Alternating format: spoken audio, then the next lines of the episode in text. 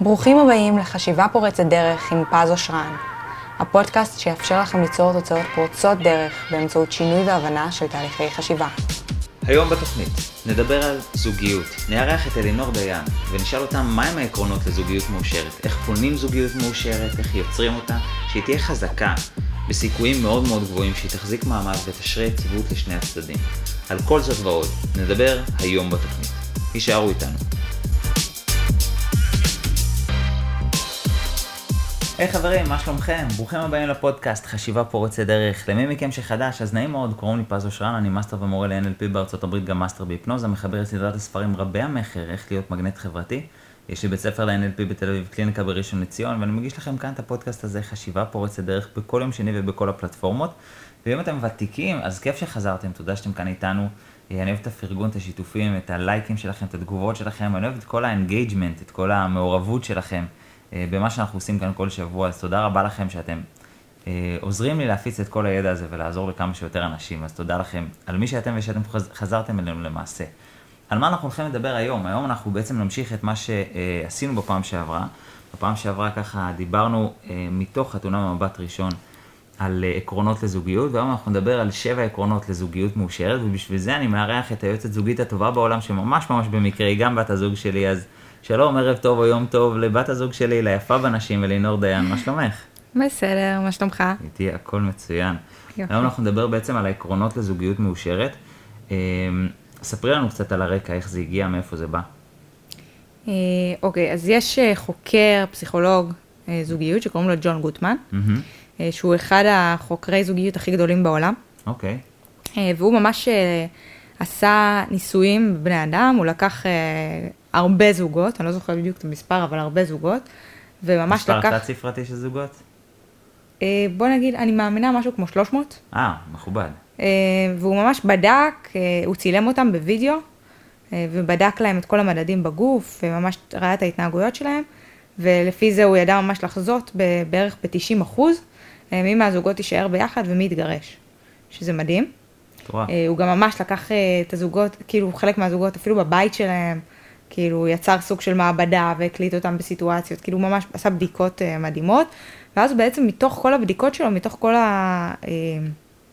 החקר אה, שהוא עשה, אז הוא בעצם יצר uh, שבעה עקרונות בעצם לנישואים מאושרים, uh, איך באמת לבנות uh, זוגיות, נישואים, שבאמת uh, אנחנו מצליחים לשמור על, יציב, על יציבות, על זוגיות טובה, על היכרות עם הבן זוג שלנו, על דברים באמת שהם נראים לנו טריוויאליים. אבל אנחנו לא באמת מייחסים להם uh, תשומת לב. ולמעשה כשהוא uh, ידע לצפות בזוגות ולחזות אם הם היו או לא היו, הוא בעצם הסתכל על השבע עקרונות, או שאיך הם... לא, ש... קודם כל, הוא בהתחלה uh, לא ידע בדיוק על מה הוא הולך להסתכל. כן. זה הקטע, שהוא צילם והקליט ובדק מדדים, והוא ראה מה ההתנהגויות ש... חוזרות ש... על. חוזרות על עצמם. ונגיד סתם, יש דברים שהוא כן ידע מראש שהם לא טובים, כמו נגיד בוז. אחד לשני, להתנהג בזלזול אחד לשני. הוא ידע שזה משהו שנגיד מנבא גירושים. אוקיי. Okay. אה, יש כמה דברים שהוא כן ידע מראש, אבל גם הוא ראה שיש דברים שחוזרים על עצמם. כמו סתם, אני אתן דוגמה, שהיא כאילו נשמעת לנו הכי מפגרת וחסרת משמעות, אבל מסתבר שיש לה הרבה משמעות. אוקיי. Okay. אם לדוגמה אתה נוסע באוטו עם הבן זוג שלך, אה, ואז פתאום יש בחוץ איזה משהו יפה, ואחד מהבני הזוג אומר, וואי, תראה איזה יפה זה, איך השמש שוקעת, איזה יפה זה. ואז כאילו נגיד הבן זוג מתעלם, mm-hmm. אז זה ממש מגדיל את הסיכויים. לפרידה. אה, סיטואציות כאלה שחוזרות על עצמן. בעצם זה שיש משהו שהוא ממש מרגש אדם אחד ומעורר... לאו דווקא ממש מרגש, אז זה שאני אמרתי משהו, אני דיברתי, ואתה התעלמת. התעלמות. התעלמות. עצם כן, ההתעלמות. כן. אם אני עכשיו אגיד משהו והבן זוג שלי מתעלם, אוקיי. אז בעצם כאילו אני, אני לא מרגישה שיש לי פה מישהו שאיתי, אני לא מרגישה שהוא מקשיב לי, אני לא אוקיי. מרגישה שהוא ערני אליי. ואז זה, שזה חוזר על עצמו בעצם. בוא ניקח רגע דוגמה טיפה קיצונית כדי להבין את זה, זאת אומרת בוא נניח באמת בן הזוג מתלהב מאיזה משהו, ואותך זה לא מעניין, אז, אז התגובה האולטימטיבית אה, כלפי ג'ון גוטמן? האולטימטיבית, כן. גם אם זה לא מעניין, אז להגיד, וואי איזה יופי, אני שמחה שזה עושה לך טוב. אוקיי. נגיד. זה לא חייב לעניין אותך כדי שתגיב, אה, זה הקטע. אבל עצם כאילו, התגובה... עצם התגובה, הבן אדם צריך תגובה, הבן אדם צריך לראות שיש מישהו איתו. אז זה נגיד אחד הדברים שוואלה, רוב האנשים חושבים, בסדר, זה לא מעניין אותי, אז אני לא אגיב. Mm. או הייתי עסוק במשהו, לא יכולתי להגיב, או כל, כל תירוץ אחר. אה, והם לא יודעים שבאמת יש לזה משמעות. כאילו, גם לדברים הקטנים האלה יש משמעות.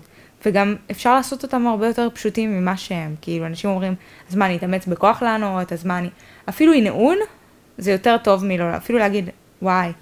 למרות שהנהון, אם אדם לא מסתכל לך, לא מסתכל הנהון, אפילו עלייך, להגיד, אפילו להגיד כזה, וואי, איזה יופי, או אוי, אני שמח בשבילך. אפ- עצם התגובה, אוקיי. עצם התגובה יכולה להיות ממש קצרה, יכולה להיות... אז זאת היא שנותנת לבן אדם להרגיש שהבן זוג שלי מקשיב לי. אוקיי, זה חלק מהשבע עקרונות, או זה רק דברים להימנע מהם? אה, זה לא בדיוק חלק מהשבע עקרונות. זה יכול להיכנס, באופן. אה, זה גורף, אבל זה כן דבר שהוא בחן ובדק וראה שזה חוזר על עצמו גם בזוגות שלא נשארו ביחד. מעניין, מעניין. טוב, בוא נכיר את העיקרון הראשון. מה העיקרון הראשון? אז ככה, אז אה, העיקרון הראשון מדבר על לשפר את מבט- מפת האהבה. אוקיי. מה זה בעצם מפת האהבה? מפת האהבה זה בעצם כל המידע הרלוונטי על העולם של הבן זוג שלי ברגע זה. אוקיי. זאת אומרת, בקיצור, העולם הפנימי שלו, מה ש... העולם שלו, מה שמעניין אותו, מה כן, שמעסיק מה שמעניין אותו, מה שמעסיק אותו, איפה הוא עובד, מי החברים שלו, אה, מה הוא אוהב לאכול, מה הצבע האהוב עליו. כאילו, אני סתם נותנת למרות שזה דוגמאות, דברים שהם אה, לא משתנים בתדירות גבוהה. כמו מה נגיד. איפה אדם עובד, איפה שהוא עבד אתמול כנראה הוא יעבוד היום, אה, מה הוא אוהב נכון, נכון. זה גם סביר שישתנה. קודם כל, מקומות עבודה היום משתנים הרבה יותר מהר מפעם. נכון. אז זה לא בדיוק נכון. אוקיי, אה, ודבר שני, גם האנשים בעבודה, אתה יודע, לפעמים אה, אחד מהבני זוג בא הביתה ומתחיל לספר, היום הבוס שלי היה ככה, וגלית אמרה לי ככה, ואיתמר אמר לי ככה, ו... ואתה אתה כאילו מנסה לעקוב ואתה לא באמת מקשיב, ואז כשהיא אומרת לך נגיד איזה משהו על איתמר, אתה אומר, אה, מי זה איתמר? ואז זה מראה שאתה לא באמת מכיר את העולם שלה, אתה לא באמת מודע לדברים בחיים שלה ומה שחשוב לה, מה שמעסיק אותה.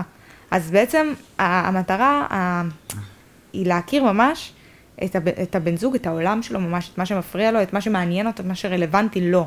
מעצם הדברים שמעניינים אותו, או אם אני מכיר את, זאת אומרת, אצלי בראש יש איזו הבחנה בין הפרטים עצמם, שזה מי זה איתמר, מי זה זה, לבין מה באמת מעניין אותו. אז השאלה אם שניהם רלוונטיים, או אחד מהם... לא הבנתי כל כך את ה... יש הפרדה, זאת אומרת, אם אני עושה הפרדה, אצלי בראש הם מקוטלגים אחרת. יש את מה שמעניין אותי, ויש את הפרטים. לצורך העניין, אם זה מישהו שעובד, שעובד איתי... רגע, נראה לי הבנתי אותך, אוקיי. אוקיי. אז הכוונה היא, שנגיד איתמר זה שלקחנו, כן, אז אם עכשיו איתמר מאוד עצבן אותה, כן. אז פעם הבאה שהיא תבוא ותגיד לך, וואי, איתמר הזה, באמת כבר אין לי כוח אליו. ואתה תגיד, מי זה איתמר? אתה מבין? אז הקטע זה לא לאו דווקא להכיר את איתמר ממש, אלא לדעת שאיתמר זה בן אדם שמעצבן אותה. אוקיי. שהיא פחות אוהבת. יואו, זה לא טוב שאנחנו משתמשים בשמות אמיתיים, יש אנשים שקוראים להם איתמר שהם מקשיבים לזה. זה סתם לשם הדוגמה, אל, תיקחו ללב. יכול להיות שאיתמר זה בן אדם מקסים, כן. זה בעייתי הדברים האלה. אה, בסדר, כן, אנחנו צריכים שמות יותר... בעצם. מה שג'ון גוטמן אומר, זה שאנחנו ממש צריכים להכיר את הבן זוג שלנו. כי כן, אי אפשר, לפי, לפי הטענה שלו, אי אפשר, להכיר, לא, אי אפשר לאהוב מישהו בלי להכיר אותו. מה אתה בעצם חייב אפשר להכיר אותו להכיר? כדי לאהוב. מה מה בעצם אני יכול להכיר בבן אדם? אפילו, אפילו לשאול אותו, מה חדש אצלך?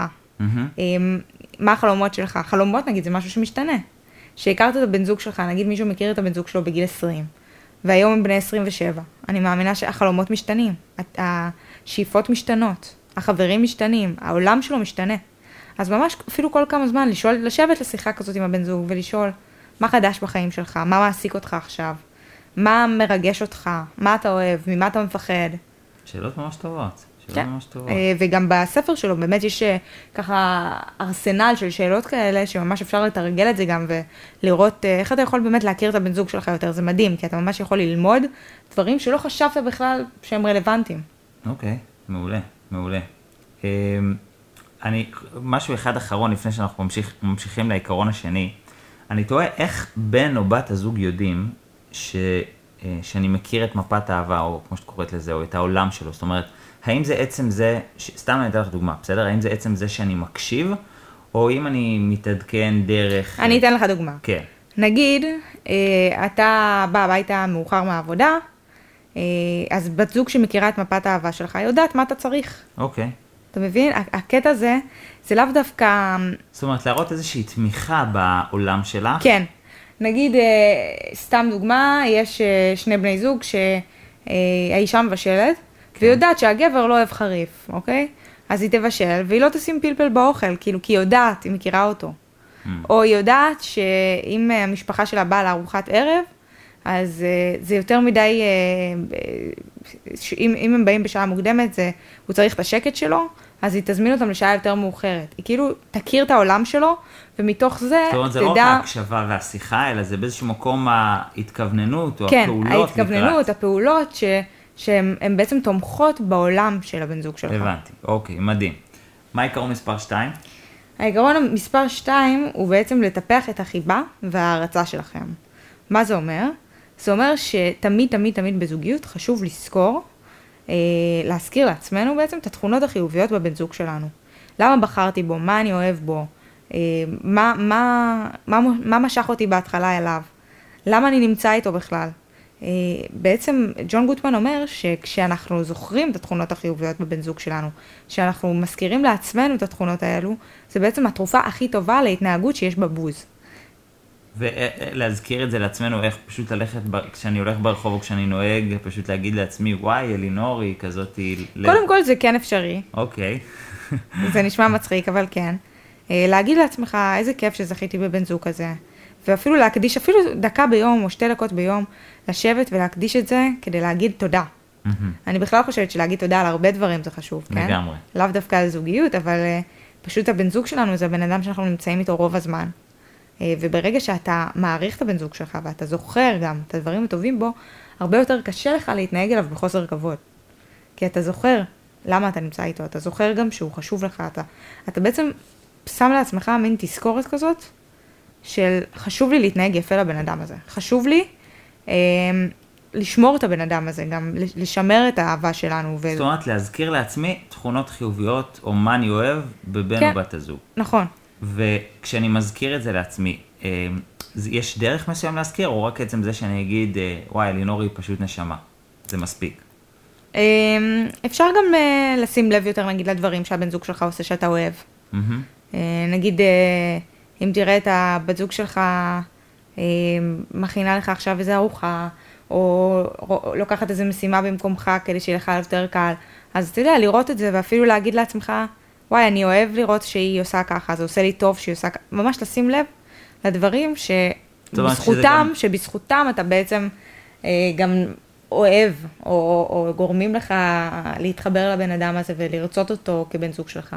זאת אומרת, אולי, נקרא לזה אידיאלית, אבל כשזה מחובר לדוגמה, זה מקבל הרבה יותר נפח, או הרבה יותר אה, משמעות, מאשר פשוט להגיד איזושהי כותרת. יכול להיות שכן. אפילו נגיד סתם, נגיד אתה אומר, וואי, איך אני אוהב את הבת זוג שלי, היא יש לה לב ענק. מהמם. ואז אתה יכול אפילו סתם להזכיר לעצמך איזה משהו, נגיד שהיא עשתה בשבילך, שגרם לך להרגיש ככה. מהמם. ואז אולי זה יוצר אה, חיבור שהוא יותר חזק. סתם נתתי דוגמה עכשיו שעלתה לי. וחשוב שזה יהיה משתנה, או, או אם זה קבוע, זאת אומרת, אם כל יום או כל, כל הזמן אני אגיד את אותן תכונות, זה משנה משהו? ש... זה לא משנה באמת, כן. כי המטרה של הדבר הזה, זה בעצם להזכיר לעצמך למה אתה נמצא שם, בזוגיות הזאת. אוקיי. אמ, ובעצם כשאתה מזכיר לעצמך למה אתה נמצא שם ושאתה מכבד ומעריך את הבן אדם הזה, הסיכוי שתתנהג אליו בחוסר כבוד, הוא יורד. ואז בעצם הס- הסיכוי גם שהקשר יהיה יותר טוב, הוא גדל. מהמם. וזה מה שאנחנו רוצים בעצם, להציל הבנתי. את הזוגיות, לה- להפוך אותה לטובה יותר. מדהים, מדהים. פצצה, עיקרון מספר 3. עקרון מספר 3 זה בואו זה לקראת זה, ואל תפנו עורף. אוקיי. מה זה אומר? זה אומר ש... זה, זה יכול להישמע כאילו גדול, אל תפנו עורף, כאילו בואו זה לקראת זה, וזה לא כזה כמו שזה נשמע, אלא זה ממש לשים לב לפעולות קטנות שאני יכול לעשות בשביל הבן זוג שלי, כדי לגרום לו להרגיש קצת יותר טוב, להרגיש קצת יותר קרוב אלינו, להרגיש אהוב. אה, זה יכול להיות אפילו אה, לשלוח איזו הודעה, כאילו אני אוהב אותך. זה יכול להיות אפילו אה, לראות שהוא שכח את הזבל, וזה התפקיד שלו בדרך כלל להוריד, ולקחת את הזבל ולהוריד במקומו. זה יכול להיות לראות שבבוקר הוא עייף מאוד, והוא רוצה לישון עוד קצת, וזה תורו ליום לקחת את הילדים לגן ולבית ספר, לק... לקום ולעשות את זה במקומו. את יודעת, אני, בוא נגיד אם אני נכנס לראש של אנשים מסוימים, שאני יכול להגיד, אוקיי, הם ב- ששומעים את הפודקאסט, אני די בטוח שיש לא מעט אנשים שמה שעובר להם בראש זה, רגע, אבל רוב הזמן אני בא לקראתו, או אני באה לקראתו, ואני עושה יותר דברים בשבילו, אז העיקרון הזה, איך אני גורמת לבן אדם השני לעשות דברים, כאילו יש איזה, הרי רוב הזוגות, אני די בטוח שהם מרגישים שהם עושים יותר ממה שהפרטנר השני רואה mm-hmm. שהם באמת עושים. זאת אומרת, ניקח שני בני זוג, בת הזוג תגיד אני עושה יותר, ובן הזוג יגיד אני עושה יותר, למרות שזה לא הגיוני, כי שניכם חיים באותה זוגיות. נכון. ואיך העיקרון הזה בעצם משתלב כדי לא להגיע לאותה מחשבה. אני אגיד לך, קודם כל יש כן. לנו נטייה בכלל תמיד לראות את מה שאנחנו עושים יותר ממה שהשני עושה, כי אנחנו מרגישים את המאמץ שאנחנו עושים, ואנחנו לא יכולים להרגיש את המאמץ שהוא עושה. יכול להיות שבשבילו הדברים שהוא עושה הם מאמץ, ואנחנו לא יודעים את זה. אוקיי. בשבילנו זה כאילו מובן מאליו. כן. אה, אז קודם כל לשים לב כן לדברים שהוא עושה. לא כן. לראות את מה שהוא לא עושה, אלא מה הוא כן עושה כדי לצאת, מה הוא כן יוצא מהאזור הנוחות שלו, מה הוא כן נותן. אה, וגם, עוד דבר חשוב, זה שזה נכנס למקום הזה של התחשבנות, mm-hmm. אז אה, כדאי לעצור ברגע הזה אם מרגישים ככה, ולהגיד, האם אני עושה את מה שאני עושה בשביל לקבל ממנו חזרה, או האם אני עושה את זה באמת מרצון. כי כשאתה בא זה לקראת זה, המטרה היא לבוא זה לקראת זה כי, כי אתה רוצה. Mm. כי אתה רואה את הבן זוג שלך ואתה חושב, כאילו, אני אוהב אותו, ו... או אכפת לי, או אני רוצה שיהיה לו טוב, אז אני עושה את זה ממקום כזה. ואם אתה לא עושה את זה ממקום כזה, אז זה כבר הופך להיות, אה, כמו שאמרת, התחשבנות כזאת, מה אני עשיתי, מה הוא עשה. עכשיו יש, זה נכון גם שלפעמים יש את התחושות האלה שאני עושה יותר, והייתי רוצה גם שיעשו בשבילי. כן. אז אתה יכול אפילו ללמד את הבן זוג שלך, מה היית רוצה? יכול להיות שהוא מבחינתו עושה את הכי טוב שלו, mm-hmm. והדברים שהוא עושה לא באמת חשובים לך, או משהו, או רצ... היית, היית רוצה משהו אחר. Mm-hmm. אז אתה יכול לבוא ולהגיד לו, אתה יודע, שאתה מוריד את הזבל במקומי, או עושה את הדברים האלה, זה בשבילי כאילו בקטנה, אני רגיל לעשות את זה כבר. אבל הייתי ממש שמח אם, אה, נגיד לפעמים היית שוטף כלים במקומי. זה באמת משהו שמקשה עליי.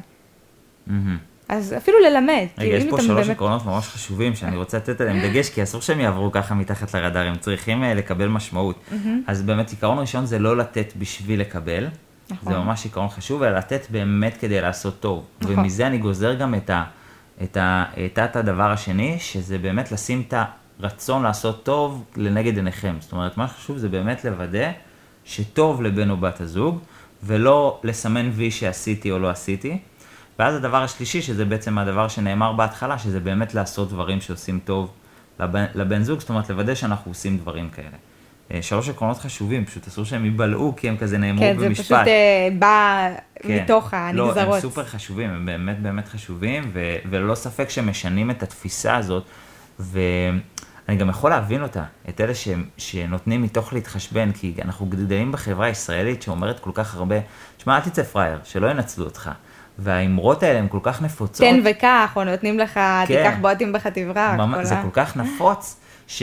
בצורה מושרשת כזאת, האנשים אה, מבינים את זה. גדלנו להיות כאלה, כן. בדיוק, גם במקומות שבהם זה לא רלוונטי, כמו לזוגיות, למשפחה, ששם זה צריך להיות איזושהי נתינה הדדית אה, ללא תנאי וללא התחשבנות. ו, ובאמת כדאי לשים לב שהאוטומט או המחשבות האלה, שהן מאוד נפוץ לשמוע, לא באות למקומות מאוד, אה, נקרא לזה, לבייס שלנו, למשפחה שלנו, לזוגיות שלנו, לדברים האלה. סופר סופר חשוב לגמרי. איזה עיקרון אנחנו כבר עשינו שתיים? עשינו שלוש. עשינו, אה, אני חושבת שלוש. עשינו שלוש. מפת האהבה, לטבח את החיבה ולבוא לקראת זה לקראת זה. אוקיי, עשינו שלוש, יפה, אז אנחנו כבר בעיקרון ארבע. מה עיקרון מספר ארבע? עיקרון מספר ארבע זה תנו לבן זוג שלכם להשפיע עליכם. אוקיי. מה זה אומר? אה, זה אומר שבעצם כשאתם מביאים בחשבון את הרגשות ואת הדעות של הבן זוג שלכם, שאתם מקבלים החלטה, אתם בעצם מראים לו שלדעה שלו יש איזושהי אה, משמעות עבורכם, שהוא משמעות, שהוא מה שהוא חושב, mm-hmm. זה, יש לו ערך עבורכם. אה, ו... זאת אומרת, בקבלת החלטות שלי פשוט לקחת בחשבון את בן או בת הזוג? אה, כן, mm-hmm.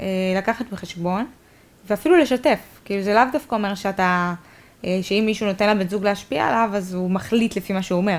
אבל הוא פתוח לשמוע את מה שיש לבן זוג שלו להגיד. אה, גם ראו שנשים נגיד הרבה יותר נותנות לגבר להשפיע עליהם, מאשר גברים נותנים לנשים mm, להשפיע מעניין, עליהם. מעניין. ואחת הסיבות זה באמת שגבר, כאילו, נורא ידוע שהגבר הוא כאילו, אני הגבר. כאילו, אני השולט, כאילו, סוג של מחשבות ואמונות וערכים שגדלנו עליהם. ולגבר יותר קשה הרבה פעמים, כאילו, לבוא לאישה ולהגיד, אה, כאילו זה מה שאני חושב, מה את אומרת? כאילו, כי גבר נורא רגיל, כאילו, להחליט החלטות לבד, כי כאילו אני הבוס. כן. אמ, ו... מעניין ההכללה הזאת, כן, מעניין. אמ, וגם נמצא שאם באמת אה, הגבר מקבל את ההשפעה של האישה שלו, אז בוויכוחים שיש להם, היא תהיה הרבה פחות נוקשה, מהמם. והזוגיות שלהם תהיה הרבה יותר טובה. אה, איך, איך, איך בפועל, אני חסר לי דוגמה כדי להבין את זה. זאת אומרת, שאת אומרת לקחת בחשבון את האדם השני, או להיות פתוח לאדם השני, לתת לו להשפיע, איך זה בא לידי ביטוי ברמת דוגמה? זאת אומרת, תני לי שתי סיטואציות בראש, ש- שאני אוכל לצייר לי שתי סיטואציות בראש, אחת, איך זה נראה כשהוא לא נותן לאדם להשפיע, ואחת שהוא כן נותן לבן או בת זוג להשפיע. את יודעת לצייר לי את זה? אה, אוקיי, נגיד סתם, עכשיו אני רוצה, אה, אני גבר ואני רוצה לקנות מכונית חדשה. כן. ואני לא מתייעץ עם אשתי, ואני באה וקונה את המכונית החדשה, ואני מאושר, ואני באה ואומר לה, וואי, תשמעי, איזה מכונית קניתי, איזה כיף יהיה לנו עכשיו, וכאילו, הוא חושב שהוא עושה משהו טוב, הוא הגבר, והוא מביא הביתה איזה מכונית. ואז היא אומרת לו, מה? כמה, כאילו, איזה מכונית? מה, לא דיברנו על להחליף מכונית. אז הוא אומר, כן, רציתי להפתיע אותך, לעשות לך טוב. עכשיו, הוא כאילו, באיזשהו אופן רצה לעשות לה טוב ולהפתיע אותה. אבל מבחינתה, היא מרגישה שזה החלטות ש... זה אוטו שעולה נגיד 200 אלף שקל, זה. כן. כסף גדול, יש להם ילדים, ואיך הוא מקבל החלטות כאלה בלי לשאול אותה? Mm.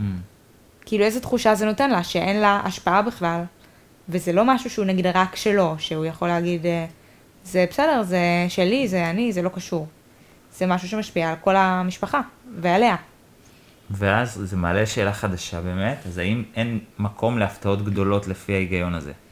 תראה, אני חושבת שיש יש מקום להפתעות גדולות, כן. אבל זה גם צריך להיות באיזשהו מקום אה, לא out of the blue. זאת אומרת, נגיד עכשיו, יש זוג שהם, אה, יש להם חיסכון בצד, כן. שהוא למטרות של כיף, נגיד, כן. אוקיי? אה, ונגיד שהם חולמים ביחד על איזו חופשה מיוחדת, והם הרבה פעמים אומרים, מתישהו נטוס, מתישהו נעשה, זה כל הזמן נדחה, סתם אני נותן דוגמה. כן. ואז הגבר אומר, תשמעי, קניתי לנו כרטיסי טיסה, אנחנו טסים עכשיו לכך וכך. אוקיי, אז פה, ויש להם את התקציב בשביל זה נגיד. את מה שאמרנו, חשבון כזה בצד. אז פה זה בסדר, כי זה דבר ששניהם יודעים שהם רצו לעשות. ויש להם כסף במיוחד בשביל דברים כאלה בצד. מהמם. אז יש מקום, אפשר להפתיע. מהמם. גם תמיד, אתה יודע, אתה מכיר את הבן זוג, המטרה היא כמו מפת האהבה שאמרנו, כן. להכיר את הבן זוג. אז אם הוא נגיד לא יודע בכלל נגיד, אני מאמינה שהוא יודע, שמכוניות זה לא משהו שהוא כל כך חשוב לה, כן. והוא הולך ועושה את ההחלטה הזאת, אז זה עוד יותר כאילו מעצבן וקשה. כי היא אומרת, הוא עשה את זה בשביל עצמו, הוא לא עשה את זה זאת בשביל... אומרת, הוא, הוא הציג את זה כהפתעה, כן, אבל זה אבל, לא באמת... אבל אה, זה לא בשביל- באמת, הוא לא באמת מקשיב לי, לצורך שלי, או הוא לא באמת מתחשב בי, הוא לא באמת מראה שאכפת לו גם מה אני חושבת על ההחלטות ואיך הכספיות שלנו. פרקטית באמת, זאת אומרת, אם אני רוצה ליישם את העיקרון הזה, אז איזה, איך פרקטית אני יכול לעשות את זה, למה לשים לב, או אולי פעולות שאני יכול קודם לעשות? כל לשים לב להחלטות שאתה מקבל. אוקיי. כשאני מקבל החלטה, אה, זה לא פשוט, כי אנחנו מקבלים משהו כמו 10,000 החלטות ביום. אז תקשיב עד הסוף. טוב. אז כשאני מקבל החלטה, כן. קודם כל, על מי ההחלטה הזאת משפיעה בסופו של דבר? אוקיי. זו השאלה הראשונה שאני חושבת שהיא חשובה לשאול.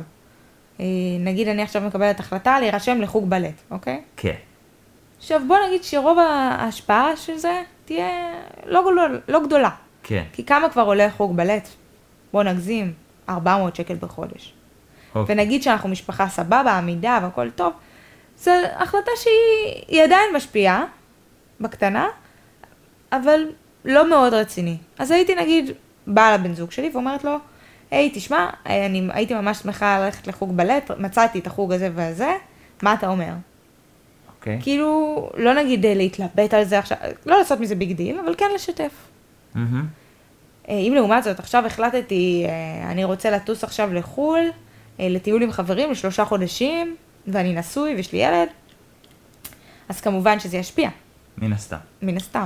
כאילו ממש לשים לב להחלטות שלך, אני אגיד אני הולכת למסעדה עכשיו, וזה עם חברים, זה לא באמת משנה אחרי לבן זוג, איזה מסעדה תלך, מה תזמין, זה לא באמת משנה, נכון? אוקיי, זאת אומרת אז זה לא לחפש את החלטות שהן ההחלטות משפיעות. אוקיי, אז לח- לחפש על מי ההחלטה משפיעה וגם כמה החלטה יש לה. ואם יש לה השפעה מסוימת ברמה אה, בסיסית, אז לשתף, ואם זה ברמה, ברמה גבוהה יותר, אז כבר ממש של כן, לקחת את ההחלטות ביחד. אוקיי, מעניין. אה, אנחנו עוברים לעיקרון חמש כבר? אנחנו עוברים לעיקרון חמש, כן? יואו, איך אנחנו אה, מתקדמים עם זה. עיקרון מספר 5 הוא מה? אז עיקרון מספר חמש, לפני שהוא מגיע, כן, אה, יש, אה, בעצם גוטמן מדבר על ריבים. אוקיי. אה, על, על, אה, בעצם, הוא עשה מחקר והוא גילה ש-69% מהריבים, מהבעיות של בני זוג, זה בעיות שהן לא נפתרות. אין להן פתרון. וואה, זה כן. מדכא זה במידה חזק, מסוימת. זה חזק. אה, גם מה שהוא עשה, הוא נגיד לקח זוגות בתחילת הקשר. עשה להם את ההבחנה הזאת שאמרתי לכם, עם המעבדה, הצילומים וזה. כן. ואז לקח אותם כל חמש שנים. מהמם. את אותו זוג, שם מעקב. הוא ממש ראה שהוויכוחים שלהם, בסופו של דבר, הם, הם על אותם דברים. כאילו, בסוג של על אותם עקרונות. אוקיי. והוא ראה שזה לא, לא משנה כמה השנים עוברות, הם ממשיכים כאילו לריב על אותם עקרונות.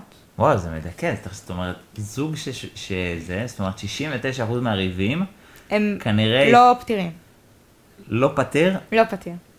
עכשיו, זה לא אומר שזה משהו שאי אפשר לחיות איתו, או, או בגלל זה צריך להיפרד, או דברים כאלה. אמ, אבל קודם כל, בעיקרון החמישי הוא מדבר בעצם על ריבים שהם כן פתירים. שכמובן, יש גם את האחוז הזה. אה, והוא אומר שיש ריבים שהם כן פתירים, ומה שמבדיל אותם בעצם מהריבים שהם לא פתירים, זה שבעיה פתירה היא מתמקדת בסיטואציה מסוימת או בדילמה מסוימת, ורוב הזמן אין, לה, אין בה קונפליקט. נגיד אם אני עכשיו אגיד, מפריע לי שאתה נוסע מהר בכביש, כן, אה, שאנחנו הולכים, נוסעים בבוקר אה, לעבודה. כן, אז הוא אומר, אני נוסע מהר בכביש כי את, לוקח לך מלא זמן להתארגן, אה, ואני רוצה להגיע בזמן לעבודה. ואז אנחנו תמיד מאחרים, אז אני נוסע מהר. ויש כאן פתרון. אפשר להגיד, סבבה, אז אני אקום רבע שעה לפני, ואז אנחנו נצא בזמן, ואתה יכול לא לנהוג מהר? כן, יופי, אוקיי, נפתר. נכון, אבל אם עכשיו הוא יגיד, היא תגיד, אתה נוסע מהר בכביש כל הזמן, אתה כל הזמן נוסע, כל פעם שאנחנו נוהגים, אתה נוסע מהר, אתה מפחיד אותי בהתנהגות האימפולסיבית שלך, והוא כזה, והוא לא משתנה. אז זה יכול לחזור על עצמו, זה יכול לבוא שוב ושוב ושוב ושוב ושוב, כאילו כל, ה, כל החיים שלהם, כל הזוגיות שלהם. אני עדיין קשה לי לעכל את זה, כי לפחות הנחת היסוד שלי, אני, אני יכול להבין את שני הצדדים. הנחת היסוד שלי היא שאנשים יכולים להשתנות. אני גם יכול להבין את ההנחת יסוד הזאת שלא לבנות על זה שדברים ישתנו, אלא יש ריבים מסוימים שלא ישתנו. יש דרך להבדיל מה עשוי להשתנות, מה לא? כי כן. קיבלתי דוגמה, אני רוצה אז את זה העיקרון. בדיוק מה שאמרתי לך. אמ, בעיה שהיא פתירה, מהמם, קודם כל, אפשר, זה נשמע מוזר, אבל אפשר להרגיש את זה. אוקיי. זאת אומרת, בעיה שהיא פתירה נגיד, היא לא מלאה בכאב, היא לא מלאה בדילמות, אין לה קונפליקט, כאילו, אני כזאת, אתה כזה. היא לא מבוססת על נגיד אמונות או ערכים, אלא יותר מבוססת על סיטואציות, כמו מה שאמרתי לך, הסיטואציה הזאת בבוקר ספציפית שהוא נוהג מהר וזה מפריע לה, ויש סיבה שהוא נוהג מהר, ואז זה מסתדר. מהמם, כאילו בעיות שהן פתירות זה כאילו, וואי, מפריע לי שאתה משאיר את השקית בפח. ש... אה, הזבל בפח מלא זמן. סיטואציה ספציפית, זאת אומרת, זה לא אז הוא יגיד, עקרונות. אוקיי, אז אני... כן, נכון.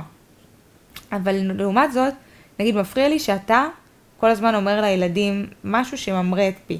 אוקיי? אז זה כבר, זה משהו שכן אפשר לעבוד עליו. אבל עדיין תמיד יהיה בו משהו שירצה כאילו להיות ה... זה ששולט יותר. רגע, אז יש פה שני דברים שונים. בעיות, נקרא לזה ריבים לא פתירים. אומר שאפשר לעבוד עליהם, פשוט הם עדיין יישארו תראה, בוא קודם כל. קודם כל בוא נעבוד על מה שכן פתיר, כן, כי זה העיקרון בעצם החמישי, ואז אוקיי. נעבור טוב. לבעיות המבוי סתום. טוב, אז בעצם, איך לפתור בעיות שהן כן פתירות? כן, אז קודם כל, אה, המטרה היא באמת לזכור קודם כל המטרה, המטרה שלנו היא להגיע להסכמה בינינו. מהמם. אז הדבר הראשון זה שאנחנו ניגשים בעצם לבן זוג שלנו כדי לפתור בעיה כזאת, מהמם, זה לגשת ברכות. מה זאת אומרת ברכות? זה אומר לקחת סוג מהאחריות גם עלינו. לא להאשים אותו, לא להגיד לו, אתה יודע שאתה נוהג, נוהג מהר וזה ממש מפריע לי. או שאנחנו נוסעים ביחד באוטו, ואתה נוהג מהר, כאילו לייחס את הסיטואציה גם אליי. מהמם. כאילו זה שנינו, יש כאן ביחד. ואז זה בעצם מרכך את הפתיחה, והסיכוי שהוא יקשיב ויהיה פתוח, הוא עולה. אוקיי, אחרי זה, אה, בעצם, הרבה פעמים כשאנחנו מתווכחים או רבים, אז ה- אחד מבני הזוג מנסה לתקן. מה זאת אומרת? נגיד עכשיו אני אגיד, אה, יואו, אתה נוהג מה זה מהר, אני לא יכולה, וזה וזה, ואז הבן זוג יכול להגיד, כן, אני כבר מלא זמן מנסה להפוך לנהג מרוץ, מה את אומרת, אני מצליח? אוקיי, להוסיף כאילו, הומור. מוסיף הומור, או קוטע את זה באיזושהי דרך שהיא, כאילו מנסה לקטוע את הריב, זה נקרא ניסיון תיקון. או יכול אפילו לחייך ולהגיד, איך אני אוהבת עכשיו מתעצבנת. כל דבר, זה יכול להיות כל דבר שהוא כאילו קוטע את הרצף הזה את של, ה- הכדור של שלג השליליות. של כן. להגיע לאיזה, הבנתי. נכון. ובאמת, המטרה היא לקבל את התיקון שהבן זוג שלך מציע. אני רוצה רגע לשאול שאלה מתקילה, ואנחנו נחשוב על זה ביחד כי היא מתקילה, כי גם אני עדיין חושב על התשובה. אוקיי. איפה עובר הגבול בין המקום שאני קוטע את כדור השלג, כדי שלא יידרדר לאיזה ריב קשה, לבין המקום שבן או בת הזוג לא ירגישו שאני עושה צחוק ממשהו שחשוב לו. זאת אומרת, הוא מביא לי, היא מביאה לי לצורך העניין אה, משהו רציני, היא אומרת לי, תשמע, אתה נוהג אה, כמו מטורף, אני כולי מפחדת, ואז לקטוע כן, ואז להגיד כן, אני אוקיי, מנסה... קודם כל ניסיון תיקון, הוא לא חייב להיות הומור וצחוק. אוקיי, ואם אתה רואה שהבן זוג שלך מאוד רגיש לו הנושא, אז לא תשתמש בהומור. אוקיי. אתה תגיד לו, אתה יכול נגיד לבוא ולהגיד לה, יפה שלי, אני, אני רואה שבאמת אה, קשה לך שאני נוהג מהר. אה, את רוצה שנחשוב ביחד מה אפשר לעשות? זה גם ניסיון תיקון. כל ניסיון בעצם לעצור את הכדור שלג הוא ניסיון תיקון. Mm. גם, לה, גם להעביר נושא, גם אה, לבוא ולתת חיבוק, זה לא משנה. זה כאילו לא להידרדר לזה, ל... אה, את אומרת שאני... כאילו לא ליצור מזה זאת ריב, אומרת, בעצם לעצור איזשהו- את הריב, לעצור את יש איזשהו השליליות. רגע, אם אני אקח צעד אחורה, יש איזשהו בדרך כלל כדור שלג של הערה שמביא הערה אחרת, שמביא הערה אחרת, וזה נכון. מתעצבן ועצבים גדלים, וזה כדור שלג כזה. זאת אומרת, אז לזהות מתי מתחיל כדור שלג, ולעצור את זה עוד שזה בהתחלה. נכון, בדיוק. אוקיי, אוקיי. זה, זה דורש כמה, כמה תתי מיומנויות, זה דורש איזושהי מיומנות של הבחנה, לדעת לזהות מתי יש כדור שלג שהולך להגיע. זה דורש אולי גם אה, יכולת להתעלות מעל האגו, מעל אה, לא יודע מה, מעל הזה, ו, וכן, דורש כמה יכולות. יש, אה, אם אני ארצה ליישם את זה קצת, זאת אומרת, אם אנחנו נרצה להפוך את זה לפרקטי, יש איזושהי אה, שיטה לאיך לזהות כדור שלג ואיך להתעלות תראה, קודם זה? כל, כשאנחנו בתוך סיטואציה כזאת, זה כן. מאוד, דווקא מאוד פשוט, כי אתה מרגיש שהבן זוג שלך כאילו, בוא נגיד, עצבני, כועס, נפגע, מאוכזב, אתה יכול להרגיש, אתה מכיר גם את הבן זוג שלך. כן. אה, אז כל פעם שאתה מרגיש שזה הולך אפילו לכיוון הזה, זה לא משנה, כי תכלס, כאילו, גם אם אתה עושה פה טעות ואתה בלי כוונה מתקן, זה לא יכול להזיק. מהמם. זה לא כמו שאתה, זה לא, זה לא שאתה עושה התנהגות שלילית. הבנתי. אז אה, בוא אז נגיד, אם עדיף אתה רואה שזה להחמיר. מידרדר לאיזה כיוון לא נעים, אז עדיף לנסות ליצור את התיקון הזה לפני שזה מגיע למקומות כאלה. אוקיי, מדהים. אה, אחרי זה, כן. באמת חשוב, כל, כאילו, זה לאו דווקא אחרי, אבל חשוב באמת בשיחה להיות רגועים. זאת אומרת, לזכור באמת המטרה שלנו, המטרה שלנו להגיע להסכמה, אה, באמת לפייס את הבן זוג, להגיד לו כאילו, יש לנו מטרה משותפת, בוא ננסה לפתור את זה ביחד, להיות באמת, כמו שאתה אומר, על האגו, לוותר קצת על האגו, על המקום של אני צודק, אתה צודק, לא לחפש מי צודק, מי אשם, אלא באמת לנסות להגיע לפיוס, להתפשרות, למקום שאני מוכן לוותר על משהו ואת מוכנה לוותר על משהו, ואנחנו בעצם משיגים את המטרה שלנו ביחד. זה- זה, זה כמו, זה בדיוק אותו דבר כמו בדוגמה שנתתי לך. היא מוותרת על עוד רבע שעה של שינה, מהמם. והוא, אה, ו, ובתמורה לזה הוא ינהג ברוגע ולא בלחץ. ה- ממש לשים לב מה כל אחד צריך ומה אתה יכול לוותר או לתת מעצמך כדי להגיע לפיוס הזה, להשלמה הזאת של הדבר הזה. וזה באמת, ככה זה נראות בעיות שהן פתירות, יש בעיות כמו שאמרנו שהן גם לא, אבל זה הפתרון במקרה כזה.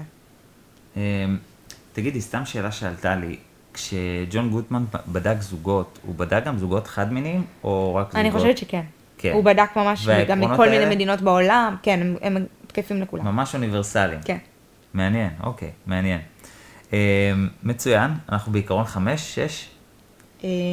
אנחנו... המאזינים אומרים, מה, הוא לא יודע לספור, מה, אבל אני כל כך נסחף לכל עיקרון. כי, תשמעו, כל עיקרון כזה, הוא, אפשר פרק ליישם אותו. זאת אומרת, אפשר ממש לקחת את העיקרון נכון, הזה, נכון, זה ממש, מה שאני אומרת עכשיו, מה שאנחנו מדברים, זה ממש מתומצת. ממש סיכומון, סיכומון של הסיכומון, ויש בתוכו מלא... לא, גם היישום, ליישם שבע עקרונות, זה לא פשוט. זאת אומרת, אפילו לוקחים רק את העיקרון הזה נכון. שדיברנו עליו עכשיו, באמת, רק להבין אפילו, זה אפילו אם לוקח. כל זוג יגיד לעצמו, וואלה, אני בוחר להתמקד עכשיו חודש בעיקרון אחד. כן, ואני גם מאוד ממליצה לקנות את הספר שלו, שבעה עקרונות לנישואים מאושרים, מהמם. ובתוכו הוא ממש מכיל אה, תרגילים לכל עיקרון. זאת אומרת, כל עיקרון יש לו תרגילים משלו, שאתה יכול לעבוד עם הבן זוג שלך ולעשות סוג של ייעוד זוגי לעצמך, וזה מדהים, אה, אני ממש ממליצה. זה דרך גם מעולה להכיר את הבן זוג שלך טוב יותר, וגם לשפר את הזוגיות ולהיות על זה, כי אנחנו הרבה פעמים חושבים שזוגיות טובה זה פשוט שטוב לנו. סבבה לנו עם הבן זוג. כאילו כיף לנו, אה, אוהבים, הכל טוב. אבל זוגיות טובה זה מעבר, זוגיות טובה זה משהו שצריך לעבוד עליו. לבנות חברות טובה, לבנות אה, אה, היכרות יותר עמוקה. ואני חושבת שזו דרך אה, שהיא מעולה. כן, זה באמת לבנות. אני חושב נגיד רק על העיקרון הזה של, סליחה, לדעת לזהות כדור שלג. לדעת לעצור אותו בזמן, לדעת לראות את המטרה המשותפת ולא את המי צודק. כל, כל עיקרון כזה, זה ממש, אה, אפשר לקחת איזה שבוע ולתרגל אותו. כל עיקרון כזה שדיברנו עליו. שבוע, אם לא חודש ואם לא שנה. לגמרי, תלוי כמה מהר את מיישמת. אה, טוב, אנחנו בעיקרון אז 6. נעבור לעיקרון השישי, כן, שהוא בעצם איך להיחלץ ממבוי סתום. אוקיי. עכשיו, אה, רוב הבעיות, כמו שאמרנו בזוגיות שלנו, 69%, הן בעיות קבועות שאין להן פתרון. מהמם. זה אומר שהם תמיד יהיו שם.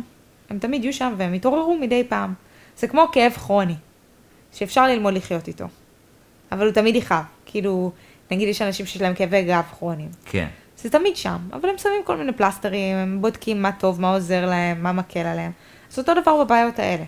אה, סתם דוגמה, נגיד יש בת זוג שהיא מאוד שתלטנית, מהמם. והיא כזאת, היא באמת כזאת. והיא לא מצליחה להשתנות, וזה משפיע על הקשר. היא תמיד יותר, תמיד אומרים, היא הבוס, היא הגבר, אתה מכיר את הזוגות כן. האלה. אה, ובאמת, נגיד שהגבר זה מפריע לו, וכל פעם זה חוזר בריבים וזה. אז נגיד, קודם כל להבין שזה היא. מהמם. זה דבר ראשון. להבין שהיא בן אדם כזאת, היא, בשביל להרגיש שליטה, היא צריכה לשלוט. אוקיי. זה דבר ראשון. זאת אומרת, לקבל את הדבר הזה, לא... לקבל שזה חלק מהאדם. אני תוהה, וואי, יש לי, אני חושב על זה רגע בקול רם. האם, כש, כשאת אומרת לקבל את זה, זה באיזשהו מקום לשחרר את הצורך לשנות? כן, בדיוק. זה, כן. לשחרר את הצורך לשנות, וזה לא אומר, נגיד, להתרגל לזה וזה סבבה, אלא לחפש איך למרות זאת, מהמם. אנחנו בסדר עם זה. אוקיי. נגיד, היא, אה, היא אומרת לך כל הזמן מה ללבוש, אוקיי? ואז יכול להיות שהוא יגיד, מה זה מפריע לי? שהיא כל הזמן אומרת לי מה ללבוש, והוא כל הזמן יריב איתה על זה, וכל הזמן יתווכח. אבל תכלס, בסופו של יום, באמת, אם הוא יחשוב בעצמו, זה באמת מפריע לו שהיא אומרת לו מה ללבוש? או אם נגיד, אה, אני סתם חושבת על פתרונות יצירתיים עכשיו איתך, מהמם. היא תסדר לו בארון סטים פשוט של בגדים, שהיא, רוצ- שהיא חושבת שהם יפים ביחד, והיא לא תגיד לו מה ללבוש, זה פשוט יהיה מסודר שם.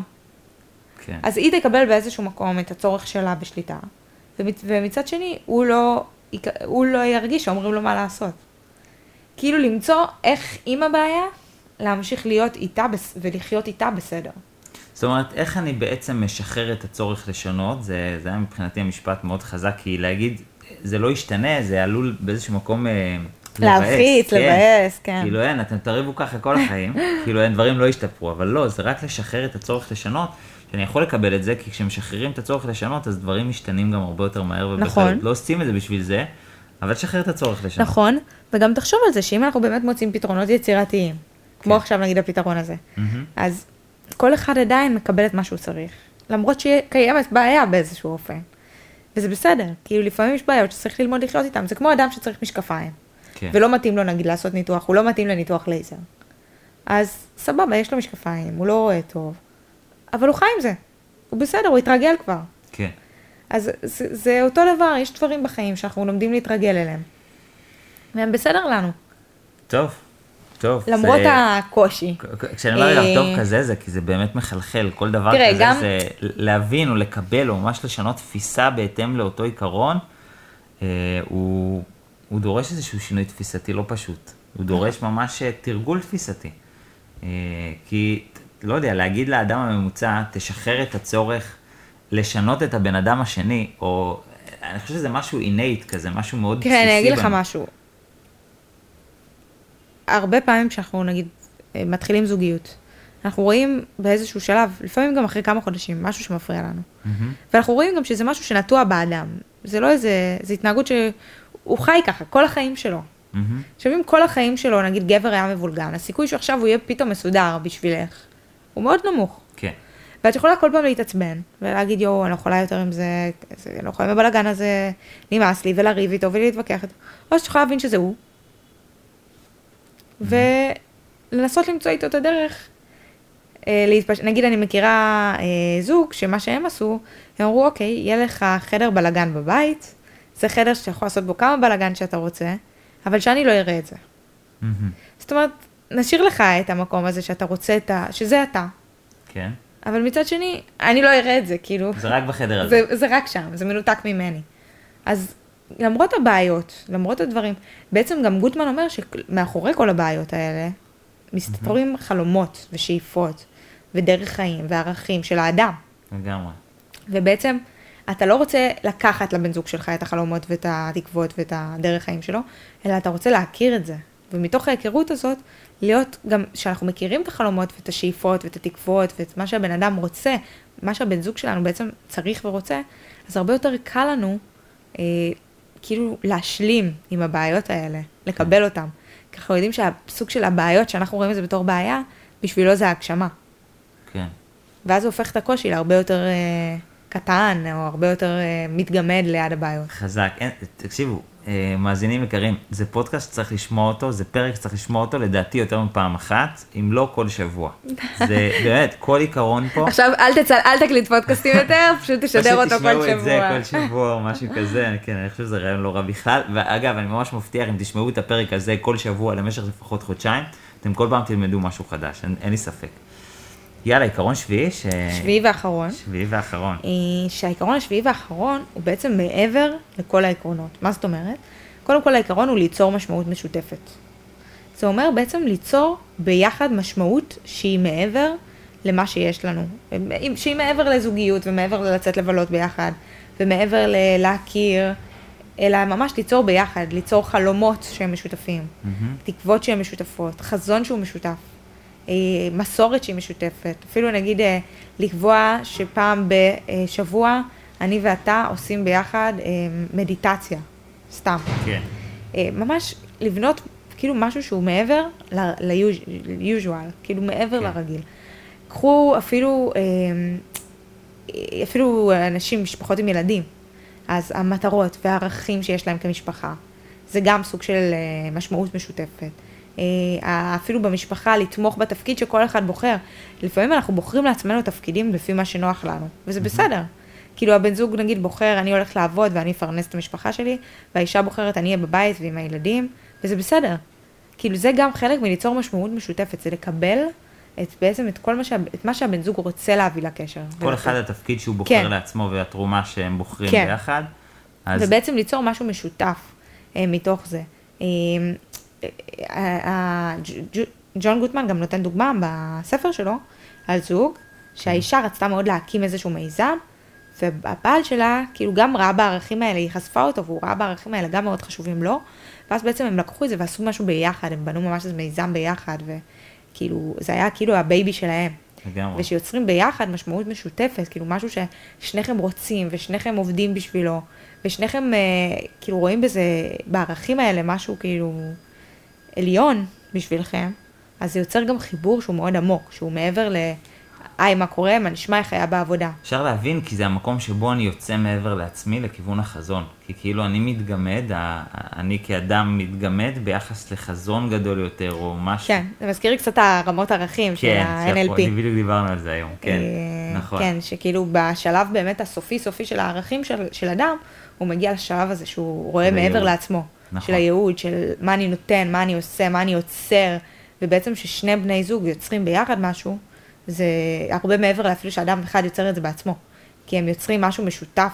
אה, אני, אני חושבת שגם ילדים, mm-hmm. זה, יש בזה איזשהי סוג של אה, משמעות משותפת, לא, שאנחנו לגמרי, לגמרי. בוחרים אה, להנחיל משהו לילדים, לחנך אותם בערכים מסוימים, להפוך אותם לאנשים מסוימים, כי אני חושבת שלהורים יש המון כוח, כן.